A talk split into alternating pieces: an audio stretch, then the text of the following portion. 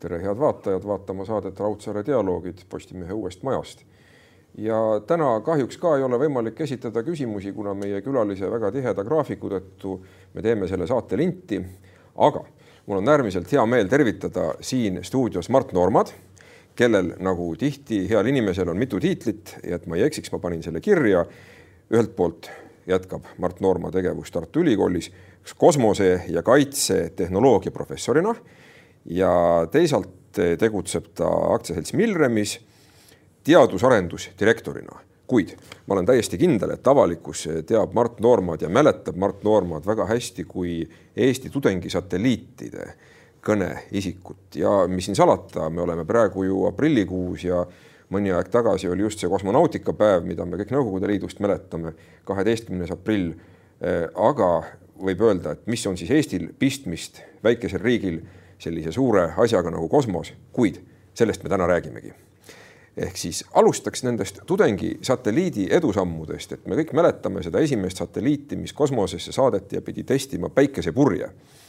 ja seal oli selline väga entusiastlik noor meeskond, mõned asjad läksid hästi, sellega tehti pilt Eestist, ma mäletan see päikesepuri vist ikka päris lõpuni lahti ei, ei läinudki, aga iseenesest see kogemus oli ju väga väärt, mida saadi. Jah, nii, nii see oli, et alati on võimalik selliseid asju tehes eh, sihtida tähti või eh, roomata mudas ja kui sa roomad mudas, siis sa tead, et sa kindlasti selle meetri edasi jõuad, kui sa sihid tähti, siis ilmselt tihti tähti kätte ei saa, aga vähemalt puu otsa võid hüpata.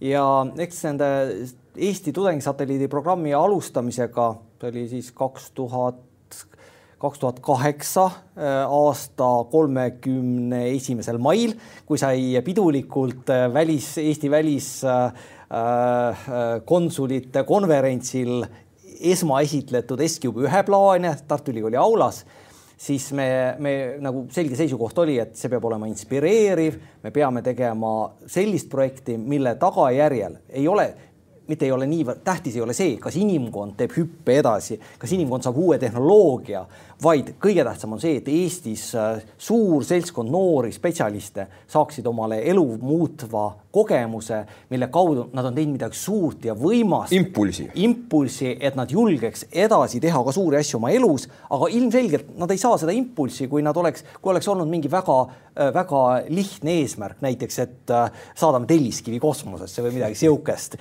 et eesmärk selle, sellepärast pidi olema tudengisatelliidil ka tõsine teaduslik missioon ja koostöös Soome teadlastega siis oligi, valisime välja Pekka Janhuneni leiutise elektrilise päikesepurje. no tuletame meelde päikesepurje olemust vaatajale, see siis päikeselt tulevate osakeste voo mõjul üha kiireneb, paneb seda aparaati kosmoses nagu kiiremini teoreetiliselt liikuma. Äh, no vaata, sa nüüd ütlesid äh, põhimõtte, mis töötab hästi, seletab hästi nii päikesepurje kui ka elektrilist päikesepurje mis Aga, põhimõtteliselt jah. on täiesti erinevad asjad, sellepärast et okay. ka päikese pealt tuleb palju erinevaid osakesi ja kes on omal ajal, noh, meie põlvkond on tsiviilkaitses õppinud äh,, mis juhtub, kui tuumaplahvatus on, siis tuleb sul, varjuda. sul tuleb varjuda, on kiirgused, on päiksekiir, tähendab, on valguse impulss, on alfa, beeta, gamma kiirgused ja nii edasi. päike olles ju üks äh, termotuumareaktsioon, siis sealt tuleb ka valgus, aga tuleb samamoodi siis nende reaktsioonidest ülejäävate osakeste voog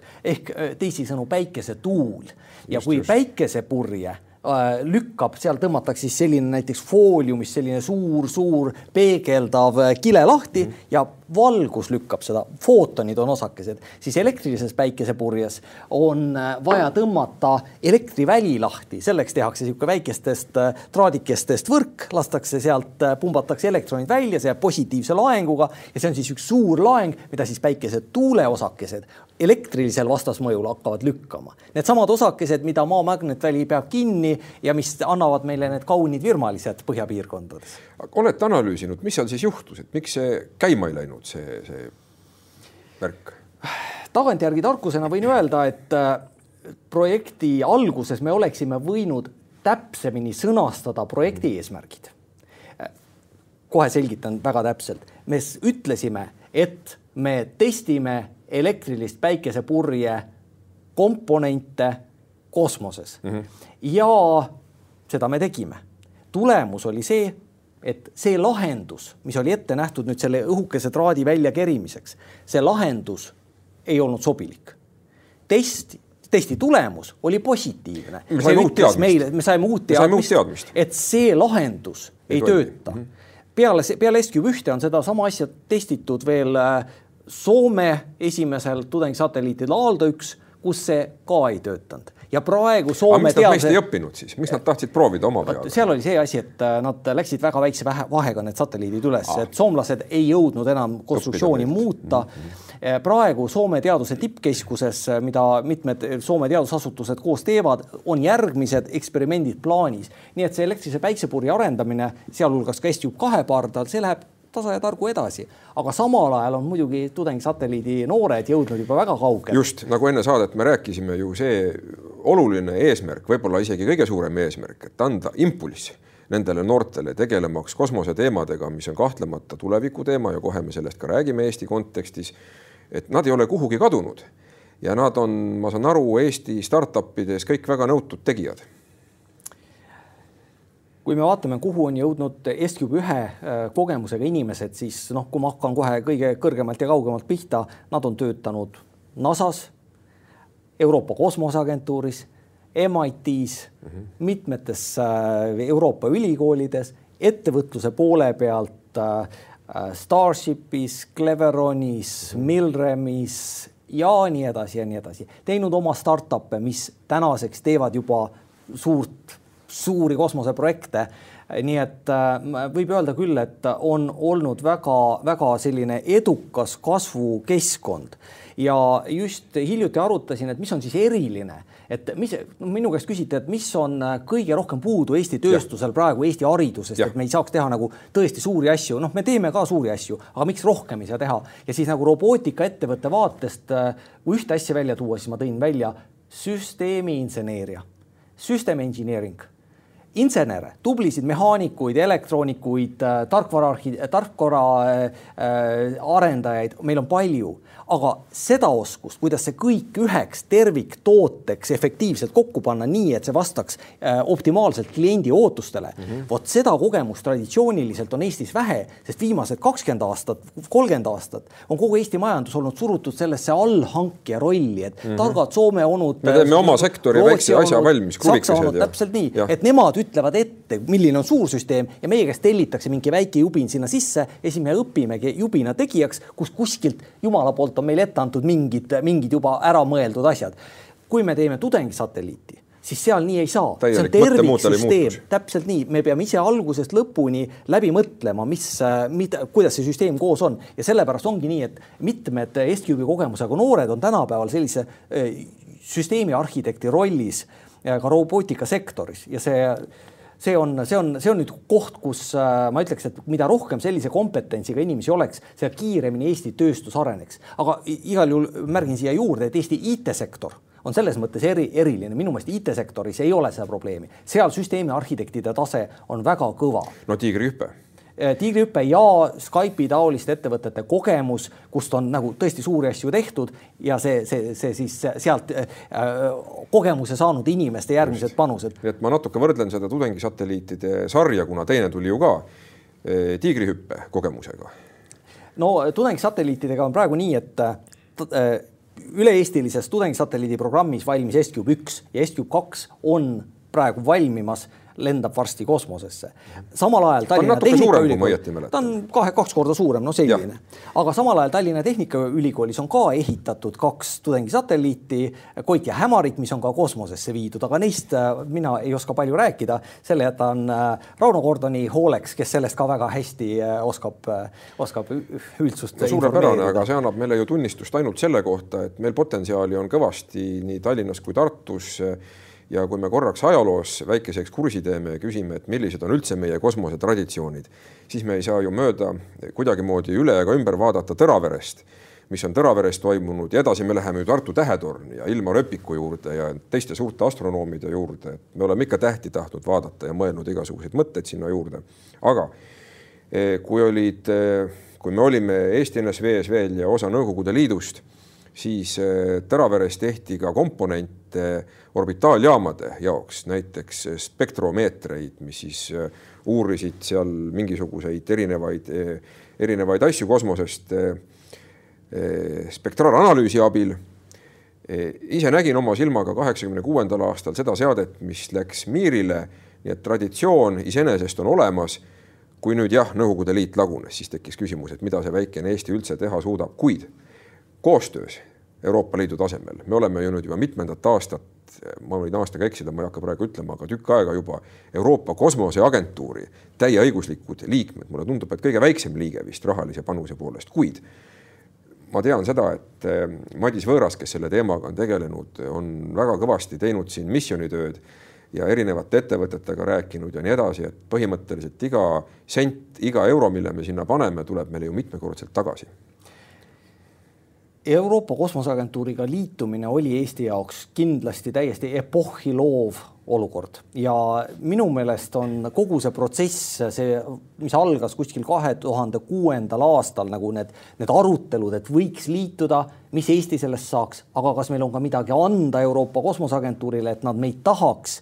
Kogu see protsess on olnud minu meelest niisugune no ülimalt üks paremaid näiteid, kuidas teadus, erasektor ja riigiasutused ja rahvas ühiselt ühe eesmärgi nimel pingutavad. ma arvan, et äh, siis, kui, kui me räägime siin igasugustest lõhedest ühiskonnas, siis Siin see oli protsess, kus lõhesid ja, ei olnud. Äh, liitu selles äh, p- ühtemoodi, tol ajal olid, kes meil olid, meil oli Ansip, meil oli Savisaar erinevatel võimupositsioonidel ja kõik nad toetasid seda algatust, mida eest vedas poliitilise poole pealt Ene Ergma Jaa. ja seal ei tekkinud. Spiikrina vist, Spiikrina, ja, ja seal ei tekkinud sellist, sellist nagu poliitilist kampaaniat, kelle teema see on, mis on, kõik ühiselt said aru, et selliseid suuri äh, programm, projekte on vaja, programme on vaja selleks, et Eesti tööstusel, teadusel oleks võimalik areneda konkurentsivõimeliseks. ja see, kui sa lõpus ütlesid, et iga euro toob nagu mitmekordselt tagasi, siis Euroopa Kosmoseagentuur, noh, seletan vaatajale nagu hästi lihtsalt, et Euroopa Kosmoseagentuur toimib nii, et kõik liikmesriigid annavad talle raha ja sealt tuleb sama palju raha igasse riiki tagasi, mis riik on sinna sisse pandud, pannud. aga nüüd, kust tekib see kordistav efekt, on see, et kui näiteks, toome näite, et üks ettevõte, näiteks äh, Crystal Space ehitab äh, kosmosekaamera ESA projekti raames, Eesti maksumaksja tegelikult maksab selle äh, enamuses kinni, aga nüüd kogu ülejäänud maailm äh, Ameerika NASA vaatavad, oo, niisugused lahedad kaamerad, me võiks omale ka äh, tellida tellivad, tellivad, Eesti ettevõtte eksport areneb ja kokkuvõttes siis öeldakse ja analüüsid on näidanud, et iga euro, mis maksumaksja paneb kosmoseprogrammidesse, vähemalt neljakordselt toob i- riigi majandusse tagasi siis läbi selle, et ettevõtete konkurentsivõime kasvab ja nad saavad siis paremini eksportida. no peale selle, kes meist ei oleks sõitnud, ma toon natuke teisest valdkonnast näite, elektrilise tõukerattaga. et eh, ühel hetkel on huvitavad innovaatilised lahendused, mis hakkavad omakorda andma lisaväärtust, tõepoolest pakirobotid näiteks ja nii edasi ja nii edasi. et eh, kui me mõtleme kosmosetehnoloogia rakenduse võimaluste peale, siis siia saab peale ehitada jälle tohutult igasuguseid asju, aga toome mõne konkreetse näite, et noh, kasvõi kuidas põllumeestel areneb talivili, uurida kosmosest eh, erinevaid kõlvikuid tõepoolest nende heade kaamerate abil, kaamerad peavad olema head ja, ja, ja see analüüsivõimekus peab olema seal hea. Aga see kõik käib kosmosest palju lihtsamalt kui ma ei tea, nii-öelda metsavahiga üle lennates. ma mõtlen seda lennukitüüpi kohe, tiivalist lennukitüüpi. siin ongi jälle väga hea näide, näide Eesti ettevõtte Kapaceta, mida juhib, juhib Kaupo Voormansik, kes oli kes oli kunagi, kuna mul oli au teda, tema doktoriõpet juhendada ja tema oli ka üks S-Cube'i aktivistidest. nüüd on neil koos sõpradega oma firma, mille eesmärk on siis kasutada radar kaugseire infot selleks, et äh, teha põllumajanduses otsuseid ja nemad on üks Eesti, Eesti edulugu, kus ettevõte on arendanud välja eh, heina niitmise äh, mõõtmise äh, kosmosest ja kui enne, noh, miks see heina niitmine on tähtis, näiteks äh, PRIA toetused ja muud, muud Euroopa toetused Euroopas. varem pidi nagu tuhanded inspektorid pidid jooksma neid põlde läbi ja vaatama, kas töö on tehtud või ei ole. nüüd teed ühe klõpsu kosmosest, saad info kätte. noh, see ei ole absoluutselt korrektne alati, sest see on ikkagi väga kaugelt, sa vaatad, aga kui on kahtlus, noh, siis alles lähed koha peale vaatama. sealt tehakse eelselektsioon juba täpselt nii. Ja, ja noh, laias äh, pilgus äh, või la, laias laastus kosmosetehnoloogiat võibki jagada nagu kahte suurt gruppi. üks, ühte nimetatakse downstream applications ehk siis ülevalt alla vaata, vaadatav, vaatavad, vaatav pool. Ja teine on upstream ehk üles minev pool tehnoloogiast. Upstream on siis kosmoselaevad ja satelliidid ja nende ehitamine. Äh, downstream on siis see osa kosmosetehnoloogiast, kus on need teenused, mida igapäevaselt maa peal kasutame. Äh, positsioneerimine, side, kaugseire ilmaennustus äh, ja nii edasi, nii edasi. no selle upstream'i hulka kuulub ilmselt ka tegevuskuul. no kahtlemata. ja teistel planeetidel.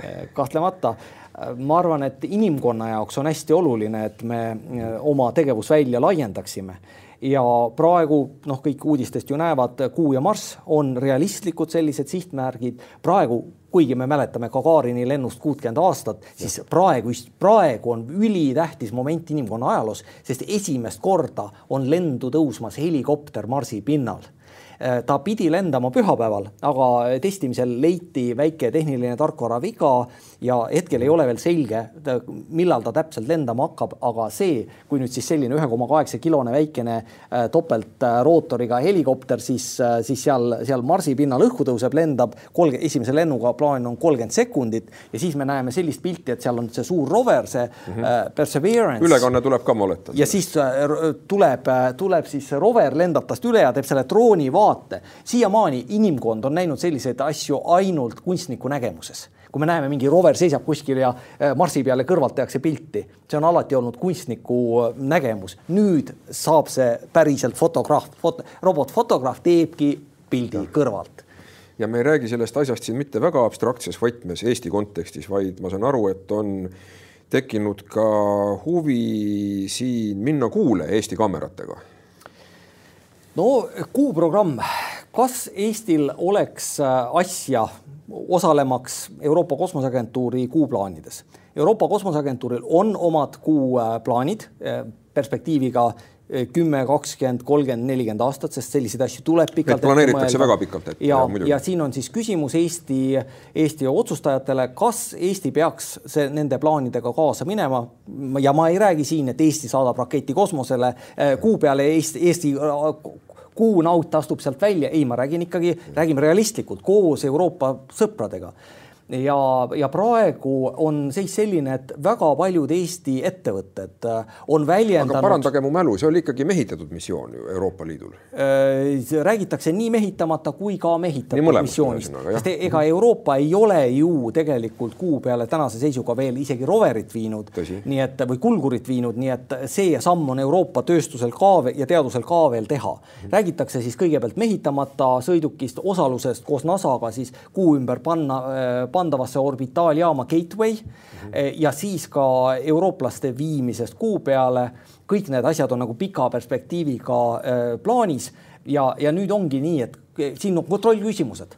kas Eestis on tööstust, kes suudaks inimkonnale mm -hmm. vajalikku tehnoloogiat selles missioonis pakkuda või kitsamalt siis Euroopale vajalikku tehnoloogiat pakkuda. ja teine küsimus on, et mida Eesti sellest võidaks ja, ja siis vastus on nagu lihtne, et just majandus-kommunikatsiooniministeeriumi eestvedamisel on vaadatud äh, neid äh, meie, meie võimekusi ja praegu on minu arust täiesti selge, et Eestis on, on äh, suur seltskond ettevõtteid, kes on koondunud ka näiteks Eesti Kaitsetööstusliidu kosmosesektsioonis kus siis, äh, kus siis võimekus pan-, erinevatesse komponentidesse kuusõidukitel panustada, ükskõik kas no näiteks küberturvalisus, juhtimissüsteemid, äh, võib-olla materjalitehnoloogia näiteks sellised asjad, mida need ettevõtted maa peal niikuinii teevad, aga nad võiks neid panustada ka kuuprogrammi. Äh, vastus on jah, tasub. nüüd järgmine küsimus, poliitiline küsimus, kas siis Eesti peaks panema Euroopa Kosmoseagentuuri vastavad summad, kas Eestil on lisaks Euroopa Kosmoseagentuurile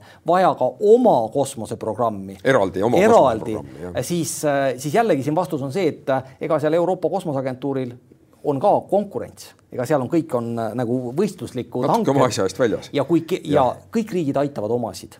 kõigis riikides on lisaks Euroopa Kosmoseagentuuri osalusele ka oma kosmoseprogramm, mis toetab oma tööstust, et kui nad lähevad nüüd Euroopa tasemele, siis neil oleks juba eduseis.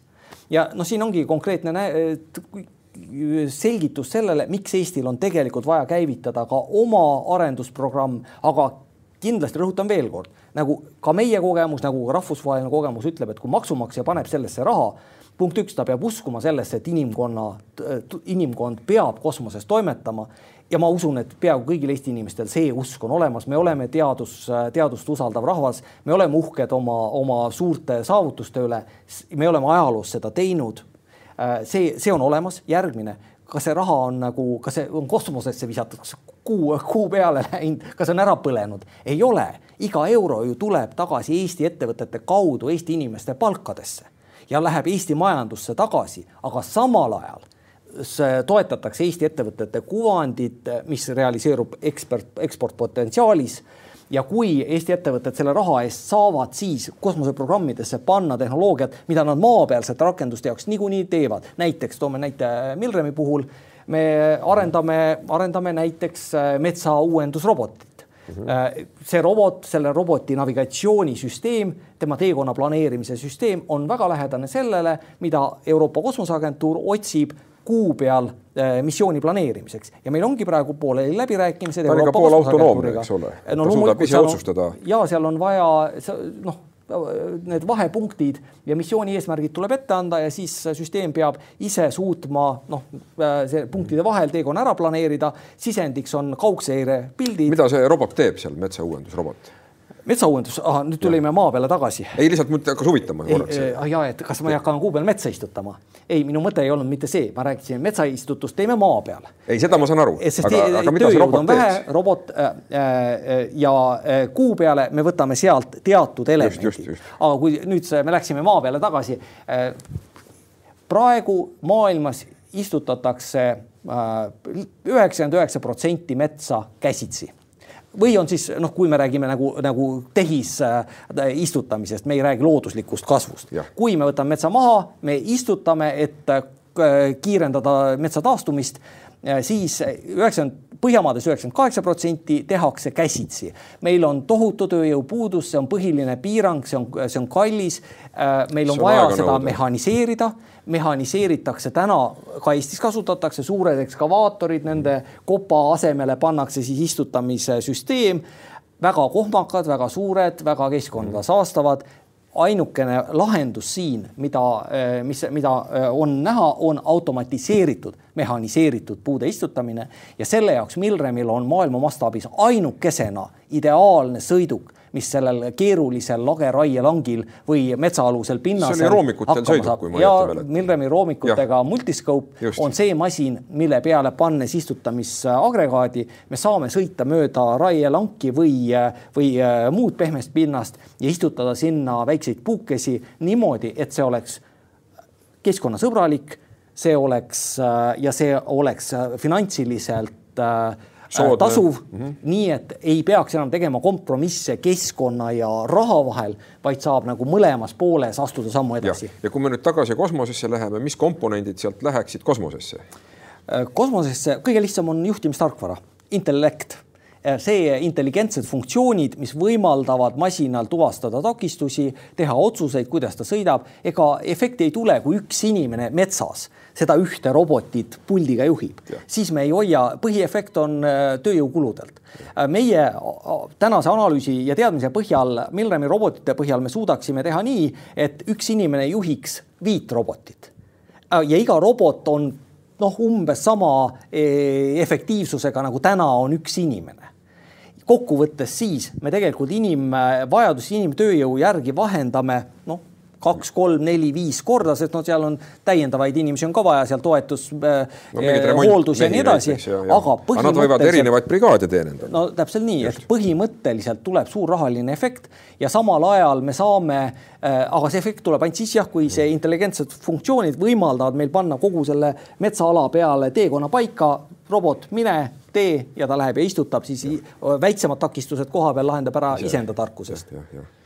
no ja väga võimas ja ma kujutan ette, et niisugune orienteerumine, navigeerumine kuu peal, kui nüüd hakkab kuubaasi ehitus näiteks ühel hetkel, on ka väga tähtis, et ilmselt robotiseeritud ehitus, ma mõtlen 3D printimise peale näiteks, et kõik see, selle teevad robotid ära, nii et inimesed lähevad kohale, võtmed kätte, kolivad sisse, kui see kuubaas kunagi peaks realiseeruma täpselt nii see on ja selles mõttes on jälle peab tunnistama Eesti tööstust. Näiteks Milrem on hästi teadusmahukas ettevõte, me oleme hästi palju investeerinud arendusse ja üks, noh, üks asi, mida me väärtustame Milremis, on haridus ja kui keegi ütleb, et äh, doktorikraad pole väärtustatud äh, ettevõtluses, siis, äh, siis ma arvan, et ta on umbes kümme aastat vana oma infobaasilt. meil on, meil on hetkeseisuga küll ainult viis doktorikraadiga inimest ettevõttes, aga me võtaks kõik tublid doktorid vastu, kes vähegi tahaks meile, meile tulla, neid lihtsalt ei ole, ülikoolid ei suuda neid kasvatada piisavalt, et oleks jätkusuutlik nii teaduse kui ka ettevõtluse jaoks ja me teeme siis ka teadustööd sellel tasemel, mis väärib nagu teadusringkondades maailmas jagamist, et me ei tee ainult väga kitsalt seda meie, meie IP arendust ja siin ongi konkreetselt. aga see on kokkuleppe koht võib-olla, nii nagu me rääkisime strateegiast, peab olema strateegiline visioon, olles käinud Ameerikas seal vaadanud, kuidas Stanfordis asi käib, tehakse klaster, kokkulepe, riik, omavalitsus, äh, ülikoolid panevad rahad kokku erasektor? no nii, nii see on ja me olemegi väga tänulikud Eesti maksumaksjale ja Euroopa maksumaksjale, et äh, me oleme äh, saanud kaks äh, täitsa soliidset rahastusprogrammi, mille abil me oleme koos Tartu Ülikooli ja Tallinna Tehnikaülikooliga siis erinevaid siis, siis metsa ja päästerobootika intelligentseid funktsioone arendanud aga eelmise jutu lõpuks ma tahtsin veel, tahtsingi jõuda välja sinna, et eelmise aasta oktoobris me publitseerisime näiteks ühe artikli maailma suurimal kosmosekonverentsil International Astronautical Congress mm, -hmm. kus siis koostöös Tartu Ülikooli teadlastega me käisime välja selle idee, et kui, kui praegu iga rover, mis seal Kuu või Marsi peal lendab, noh, umbes miljard eurot tükk siis tulevikus, kui läheb seal kuu baasi loomiseks, Marsi baasi loomiseks, me enam nii ei saa, siis on vaja skaleerida, teha öö, suurema, neid, neid peab seal olema palju, et nad suudaks mingit tööd teha ja siis meie väide oligi, et tulevikus äh, edukad on need, on see lähenemisviis, et meil on mingi maapealne robootikasüsteem, näiteks metsaistutus või pääste ja kui me suudame sealt võtta üle arhitektuurilised lahendused ja selle terviklahenduse jällegi. ja mitte noh, mitte kogu tervikut, aga arhitektuuri ja siis mõned komponendid. arhitektuuri all me mõtleme, kuidas see tervik toimib. kuidas tervik toimib, aga näiteks võtame Milremi roboti, ta on diiselelektriline hübriid ja diiselmootorit me ei saa ju kuu ilma atmosfäärita kuu peal kasutada, järelikult see komponent ei sobitu, aga mingid teised komponendid sobituvad. kui arhitektuur on sama, siis lihtsalt võtame sealt näiteks selle energia tootmise jublaka välja, paneme siis kuu keskkonna jaoks sobiva mm -hmm. näiteks päiksepaneelid või, või tuumageneraator või, või kütuseelement paneme asemele, aga ülejäänud asjad sellest ei muutu. meie väide selles artiklis oligi see, et, et kui me vaatame selli-, et kui me suudame teha sellise äh, harmoneerimise ühendamise nüüd kosmosesüsteemide arhitektuuride ja maapealsete süsteemide arhitektuuride vahel, siis see annab meile selle vajaliku äh, kulusäästu Aha. ja sellepärast ma usungi, et Milremi taolised et ettevõtted ongi need, kes tulevikus ehitavad Marsi koloonia äh,, Marsi linna äh, transpordisüsteemid, kuubaaside transpordisüsteemid, sest nad suudavad seda teha odavamalt kui need ettevõtted, kes ehitavadki ainult neid äh,, neid rätsepe õmblusega miljardi euroseid rovereid ehk ma ütleksin niimoodi, et me ei näe tulevikus mitte eestlast minemas sinimustvalgega kuule, vaid robotit Eestis tehtud robotit, tema jõuab ennem kosmosesse.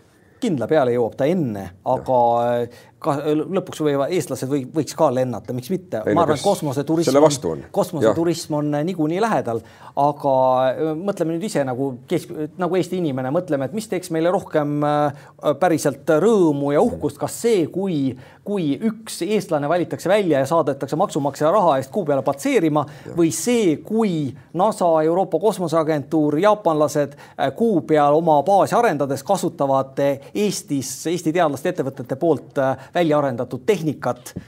ma noh, minu vastus on nagu, nagu ilmselge, et äh, astronauti on vaja, see on tore, see on tuleviku teema, kui seal hinnad tulevad alla aga see, kui meie tehnika on maailma parim, kui Eesti on tuntud maailmas kui tipprobootika ja IT-riik, siis, siis see on see, mis annab tegelikult meil maa peal kõige parema efekti.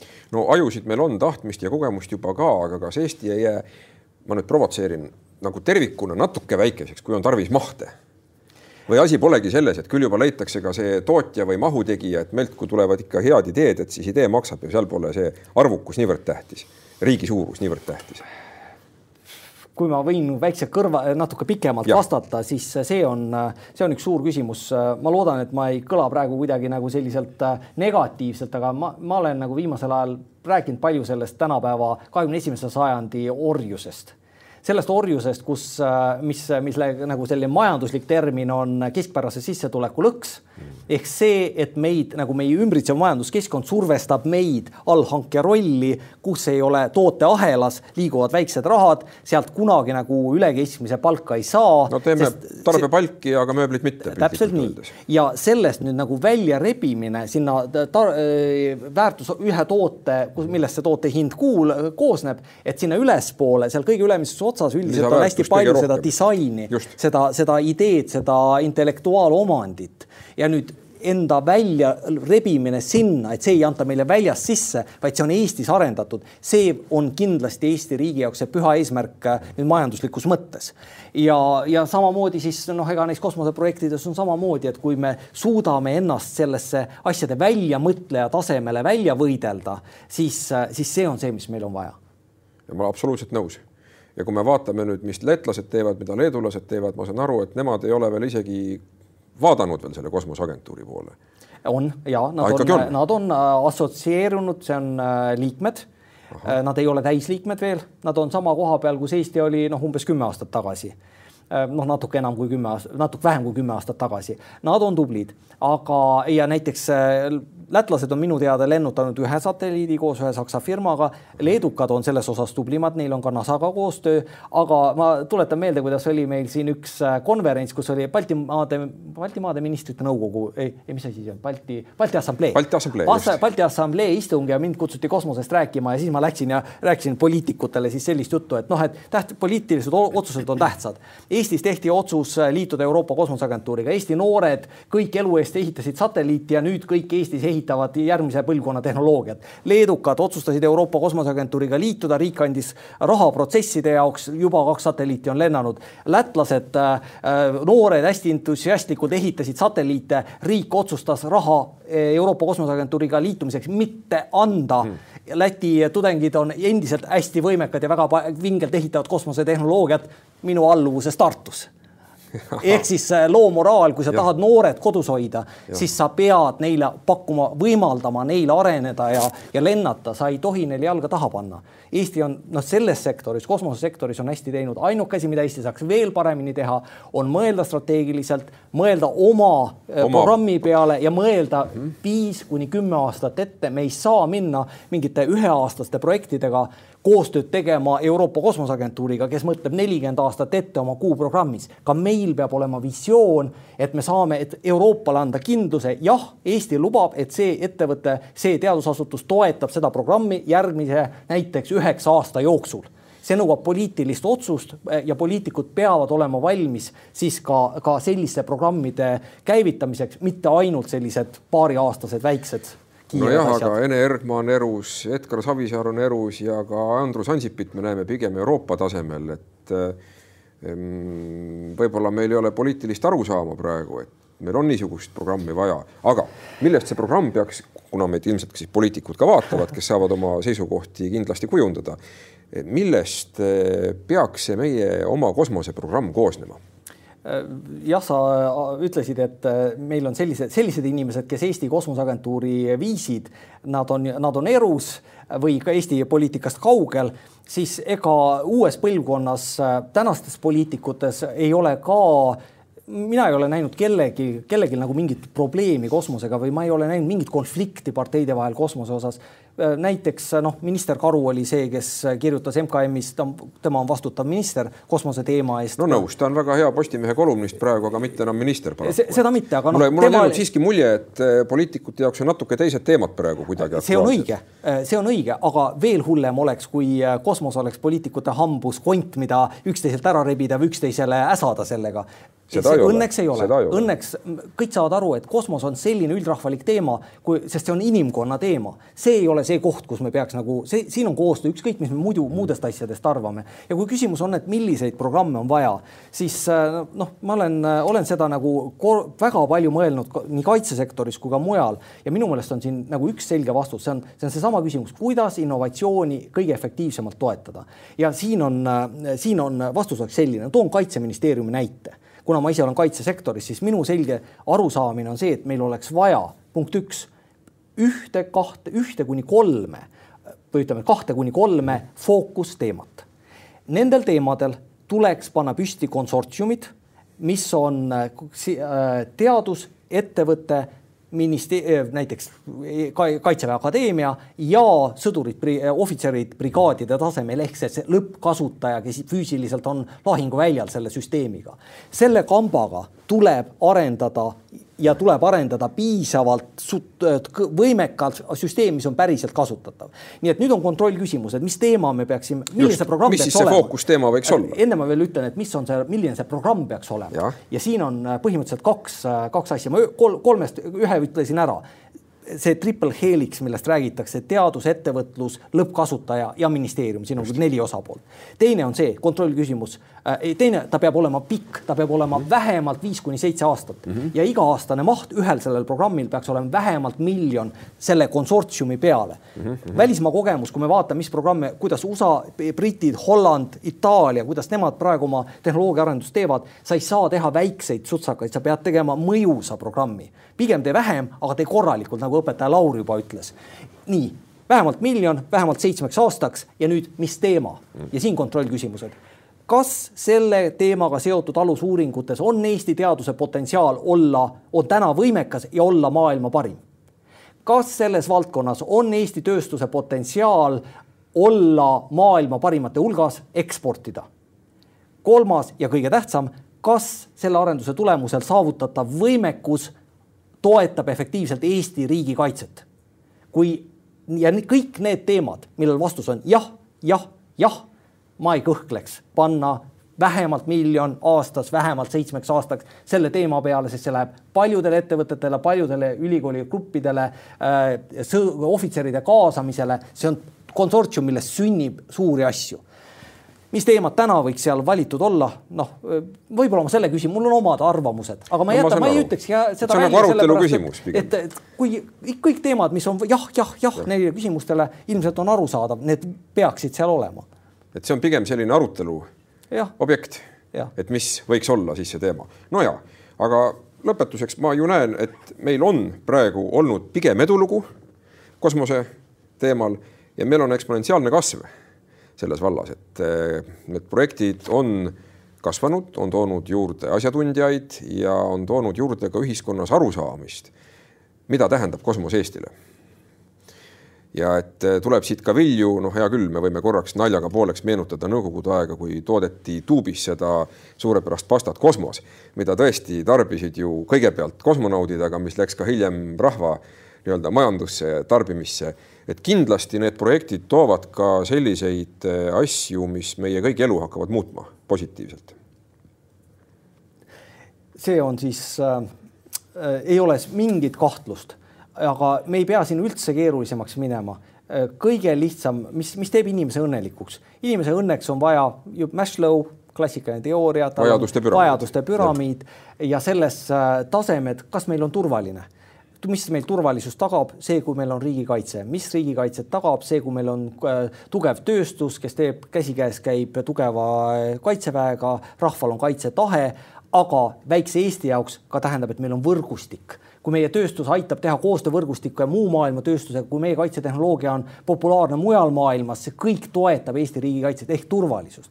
kuuluvus on sama, sama teema, me oleme osa Euroopa Kosmoseagentuurist, me teeme koos teiste Euroopa inimestega ühiselt, maksame oma palgast, oma maksudest kinni selle kuu peale mineku, sest me oleme, me tahame, et inim, inimkonda toetada, me ei ole enam nii väike ja vaene riik, et me ei suudaks inimkonna eesmärkides kaasa rääkida siis äh, tunnustuse tase, no on väga tore, kui meile õlale patsutatakse, Eesti on nii vinge IT-riik, see väga hästi panete, täna hommikul just oli suur NATO Euroopa äh, konverents, kus mul oli au moderaator olla paneelis siis ja sealt, kui see on sul mingi NATO asepeasekretär ja Euroopa kosmose kaitseprogrammide juht ja Euroopa Kaitseagentuuri peadirektor, kõik tulevad su esimese kutse peale sinu paneeli rääkima, sest Eesti on see asi, koht, kus sünnib asju ja sealt kõige-kõige kõrgem tase on saavutuse tase.